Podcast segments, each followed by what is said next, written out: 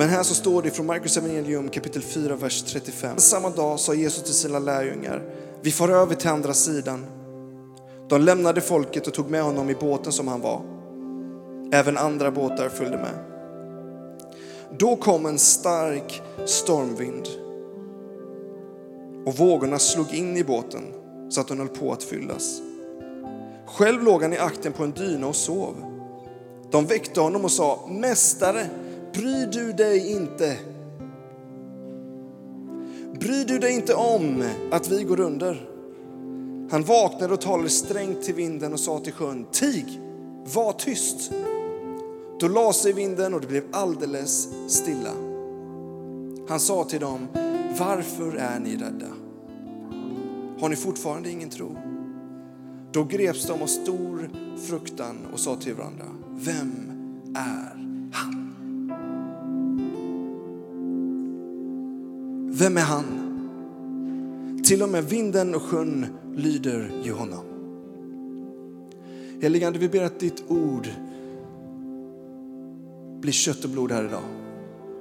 Jag ber Gud att du, helige Ande, kommer och blåser liv i den här texten. Tack för ditt ord. Tack för att det är sant, rakt igenom. Vi ber Gud, jag ber Herre att du kommer och gör precis vad du vill här ikväll. Tack för att du tänder en hunger, en törst i våra hjärtan. Att få äta av dig. Tack för att du är äkta, du är äktheten själv, du är på riktigt, du är verklig. I Jesu namn. Amen. Varsågod och sitt ner.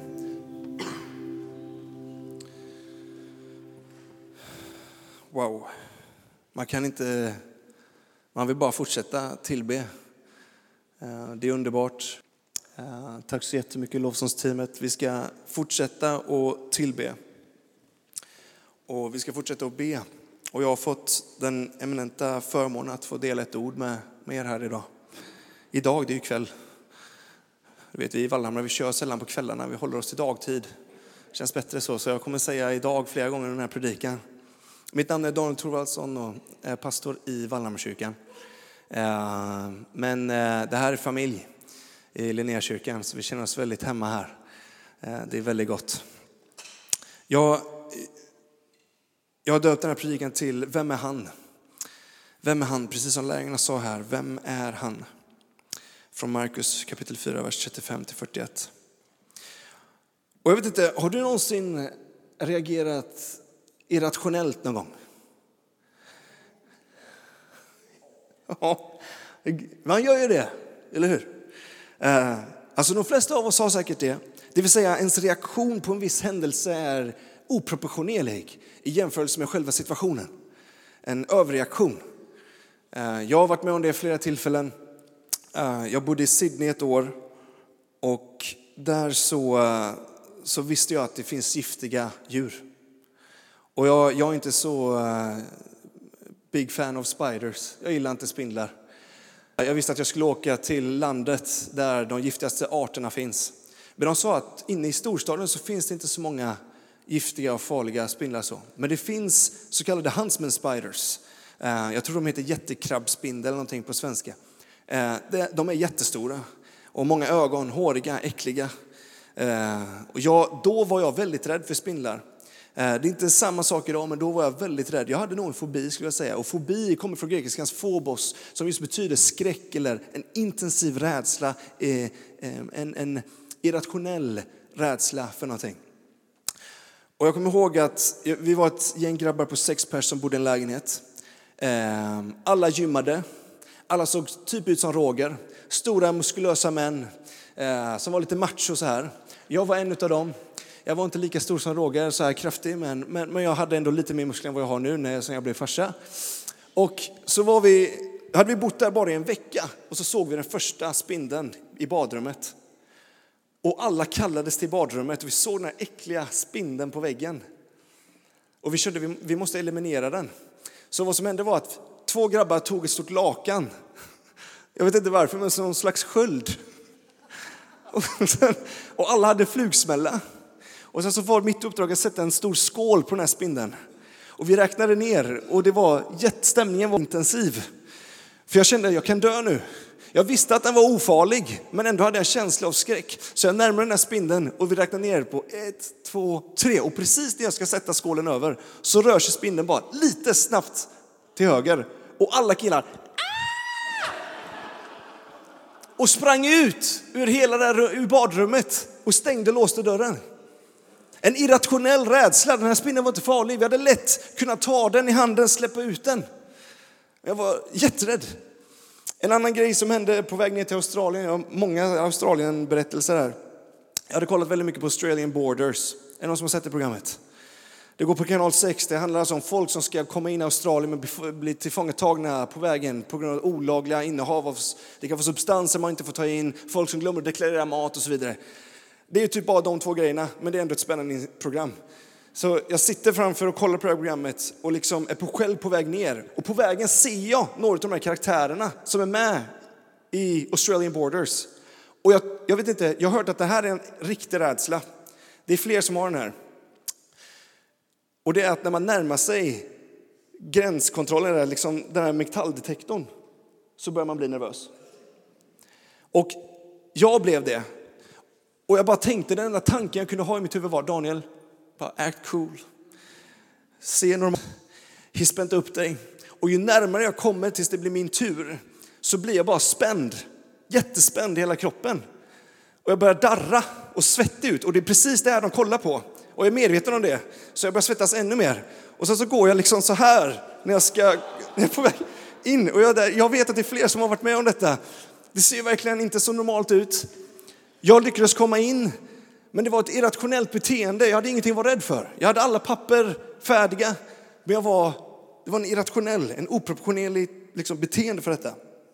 I somras så gick jag en kurs i dykning, en rescue diver course. Det handlar om att hantera krissituationer i vatten, framförallt under vatten.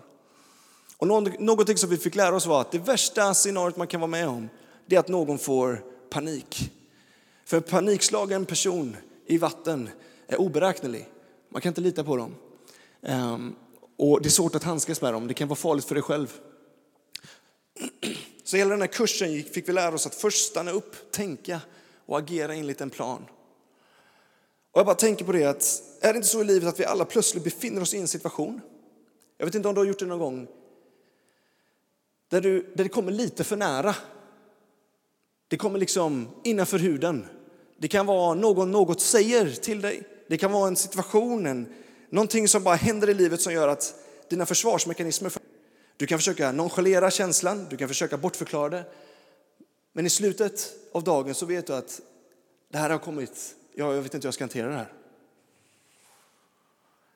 Jag tror i berättelsen som vi precis läste om Jesus så är det precis detta som äger rum. Jesus ligger på en dyna i akten, alltså längst bak i båten. Han verkar ha det rätt så mysigt. Jag vet inte varför det står att han har en dyna. Det är bara för att visa på att han har verkligen gjort en myshörna längst ner i båten. Och så började det liksom komma en storm. Och jag kan tänka mig att lärjungarna börjar tänka, snart vaknar nog Jesus. Det är ändå storm liksom. Och storm uppkommer när det blåser mellan 24 till 28 sekundmeter. I Genasarets sjö, eller Tiberias sjö som den också kallas, så är den en av världens näst lägsta sjöar. Den, den allra lägsta sjön är eh, Döda havet. Och den här sjön, i och med att den är så låg, och så kommer det liksom varma vindar från land ner i den här tratten med det kalla från vinden från vattnet. Och där kall luft möter varm så uppstår det lätt stormar. Så sannolikheten att de här fiskarna, för det får vi inte glömma bort, det är faktiskt fiskare, de flesta, som Jesus kallade, som troligtvis är i båten, hade varit med om en och annan storm i livet. Men det var starkare. Lite för nära, lite för intensiv. Det är så att det bildas skum på vågorna. Träd som inte är riktigt förankrade slits upp med rötterna. Och vågorna var säkert väldigt höga. Och jag kan tänka mig att de först tänkte, när det började liksom gunga lite, ah, väck inte Jesus, vi klarar detta. För man vill inte framstå som en vekling. Alltså jag är, jag tänkte säga jag och min fru. Men jag och min fru, alltså vi är så vad säger vi? Stubborn. Vi är, vad heter det på svenska? E, envisa, tack. Så här, Miriam, eh, hennes eh, föräldrar är britter, så ni får ursäkta om det kommer lite engelska ord då och då. Eh, jag försöker fortfarande smälta in i familjen. Så jag försöker liksom dra till med lite engelska ord ibland. Men vi är envetna. Jag är en sån vinnarskalle, så jag vill inte vika mig. Framförallt inte när det kommer tuffa situationer. Då ska jag minsann visa alla att jag klarar detta. Jag kan tänka mig, jag vet inte, men jag kan tänka mig att det var samma för lärjungarna. Väck inte Jesus. We got this. Om jag hade varit på den båten, för det börjar ganska smått och så blir det starkare med vinden. Jag kan tänka mig att det är så att till slut så hör de knappt vad de säger till varandra för att blåsen är så kraftfull. Och att det börjar komma in vatten i båten, det börjar fyllas och man står där och bara öser. En fråga jag hade haft om jag var en av lärjungarna är, vad i hela friden är Var är han någonstans? Jag fattar inte att det är, för förstår inte han att det är dags att vakna nu? Jag håller på att slita som ett djur för att få ut vattnet ur min båt så att vi kan hålla oss flytande. Jag gör liksom detta för Jesus också. Det borde vara hans angelägenhet att bry sig om att vi snart går under.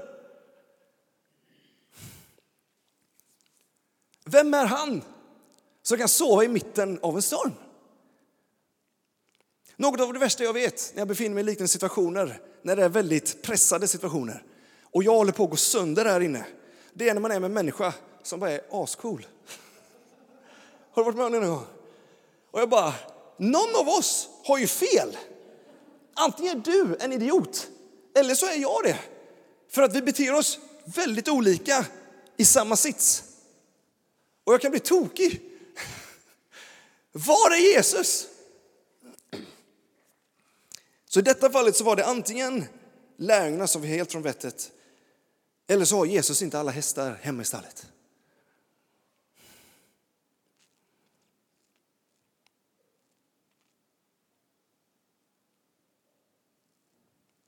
Kom ihåg att det var fiskare i båten. Fiskare som visste hur man skulle handskas med det. De hade ett yrke och erfarenhet för situationen. Men du vet, du kan vara expert på ett område.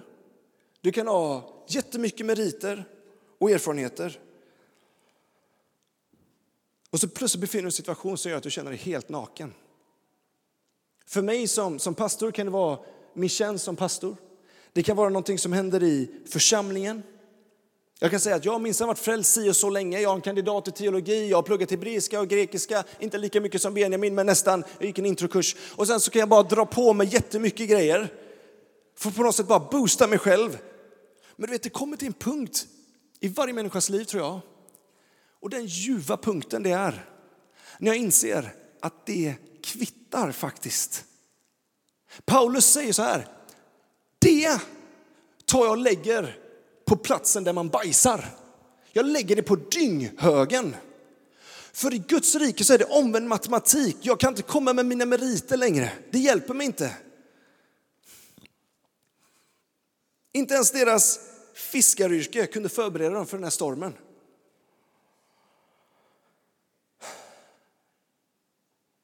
Jesus håller. Vem är han? Det är han som är kung i ett rike som det står ett, ett rike som inte rubbas. Ett rike som är stadigt, som inte skakas. Paulus kom till samma insikt. Det står så här för att läsa hela. I Andra eh, Korinthierbrevet kapitel 12, vers 9 så står det så här. Min nåd är nog för dig, för min kraft fullkomnas i svaghet. Därför vill jag hellre berömma mig av min svaghet, för att Kristis kraft ska vila över mig. Och därför glädjer jag mig över svaghet, misshandel, nöd, förföljelser och ångest för Kristi skull. För när jag är svag, då är han stark. Just nu så söker min fru jobb, hon är utbildad socionom. Eh, håller på att söka jobb och vi märkte att när hon skrev sina CVn så märker vi ganska snabbt att jag har inga problem att lägga fram sidor som eh, jag är bra på, saker jag är bra på. Jag har, jag har lätt att berätta för andra hur grym jag är på vissa områden. Alltså jag är grym säljare. Alltså. Jag kan sälja in mig själv nästan var som helst. Så jag sa, Miriam du måste boosta upp här lite. Du måste berätta om dina styrkor.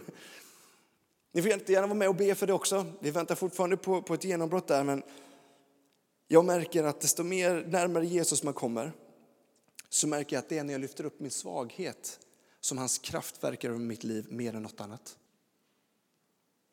När, när vi, jag tror att Gud här ikväll på något sätt vill locka fram saker i oss som är enormt smärtsamma. Men som när de kommer upp till ytan så händer någonting.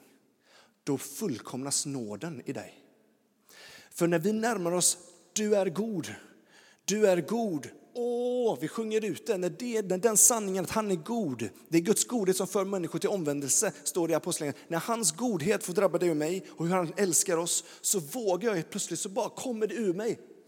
Allting som jag brottas med, saker som jag inte är stolt över. Skelett i garderoben kommer ut, jag, jag blir helt naken inför honom och plötsligt så kommer Guds ande på det på ett helt underbart sätt. Det blir på riktigt vänner, det blir äkta. Till slut så brister det för lärjungarna i den här berättelsen. De kan inte hantera läget. De har försökt vänta på att Jesus ska fatta grejen. Varför fattar han inte att det är dags att vakna? Och de väcker honom och jag kan tänka mig att de skriker i ansiktet på honom. Mästare! Liksom. Bryr du dig inte? Jag, vet, jag har sagt det flera gånger till Gud. Liksom bara, var är du någonstans? Om jag går igenom detta och du är god, jag sjunger det i kyrkan. Varför är du inte här? Sov du eller? Ja, kanske, för det gjorde han ju här. Vet du, Gud kanske sover igenom när du har det som skit här, så sover kanske Gud. Jag tror han kan göra det. För det som är en storm för dig, det är ingen storm för honom. Vem är han som inte är rädd för det du och jag är rädda för? Jag tycker det är så underbart. Jesus, han ställer sig upp han säger till sjön, och, till, till, till sjön, alltså vattnet och vinden, att tiga, att vara stilla.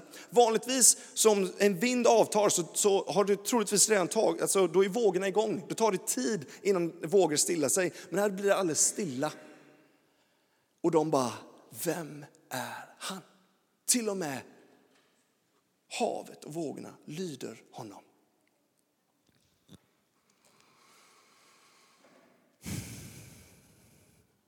Att frukta för sitt liv, alltså jag kan känna igen mig i lärjungarnas liv, men att frukta för sitt liv även fast man befinner sig i en storm med Guds son i båten, det är en irrationell rädsla. Den är tuff. För många av oss här inne har gått igenom riktigt hemska grejer. Men jag ber någonstans en bön i mitt hjärta, Gud bevara mig från att överreagera på någonting när jag vet att du är i båten. Jag kanske snarare skulle bara börjat sova bara liksom lägger mig bredvid Jesus och sover istället. För Jesus kommer vakna utvilad efter stormen. Han kommer liksom bara, okej okay, gött, nu kör vi.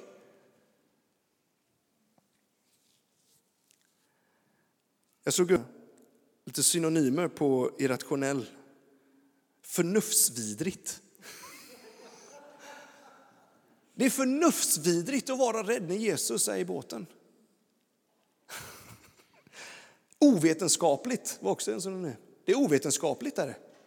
det är precis vad det är. Vem är han som stillar varje storm? Detta var Jesu lärjungar. De kanske trodde att de visste vem han var. Innan visste de säkert, de trodde de visste vem Jesus var, men det var först efter stormen de bara står helt bara blanka och bara, vem är han? Who's this guy? Det är i stormen, i min egen osäkerhet och svaghet, och tillräcklighet börjar komma upp till ytan. Så jag nämnde förut, jag, jag älskar att dyka, vi dyker oftast året om.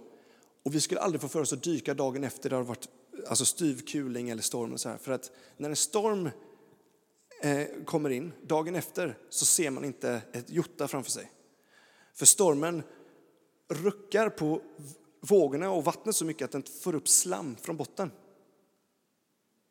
Så man ser ingenting. Det är jättesvårt att orientera sig.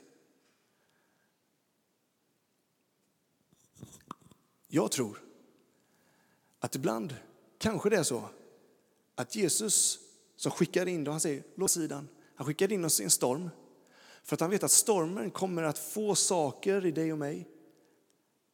Det kommer bli lite rörelse. Och så kommer saker skalas av. Han ansar oss, säger Bibeln också. Så att det som är svagt och otillräckligt får komma upp. För att när det kommer upp då fullkomnas hans nåd i dig och mig. Och du och jag inser att när jag är svag, då är jag egentligen som starkast. Är riket annorlunda? Det var bra sagt. Man får säga amen. Det kan till och med hjälpa om du säger amen tror jag ibland. Nej, Lovisa, du får komma upp och hjälpa mig här. Lovsångsteamet får komma upp. Vi ska fortsätta tillbe kungars kung och herrars herre. Men jag tror att Gud vill, om du har befunnit dig i en storm, om du befinner dig i en storm just nu, så tror jag att hans nåd vill vila över dig. Och jag tror att han vill säga till stormen med skarp röst, tig, var stilla. Men jag tror han tar tillfället i akt att också låta det ta med sig lite slam. Föra med sig saker där jag försöker med blodet på mitt eget sätt och bara se hur Jesus får göra, göra det istället. Och jag skulle vilja göra det så krasst att jag, jag skulle vilja göra en inbjudan. För för mig handlar detta om tro. Jesus sa, var är din tro? Jag, jag är i en situation i mitt liv just nu där jag känner att jag, jag vill bara växa i min tro.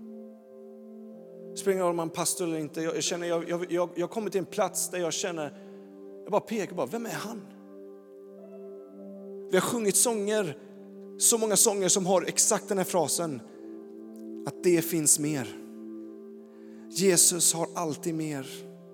Låt oss aldrig komma till en plats där jag liksom känner att jag vet, jag vet vem Jesus är. Jag känner honom. Det är underbart. Men visste du att det finns mer? Vet du att det finns ännu mer? Det finns inget, inget, det, det finns inget stopp i den han är. Skulle vi kunna göra så att bara för att få lite blodcirkulation i kroppen också, att vi bara står upp tillsammans. Så skulle jag vilja ta tillfälle och be och jag ska välkomna fram förebedjarna här snart också. Men om du känner att jag skulle vilja att någon ber för mig, jag vill växa.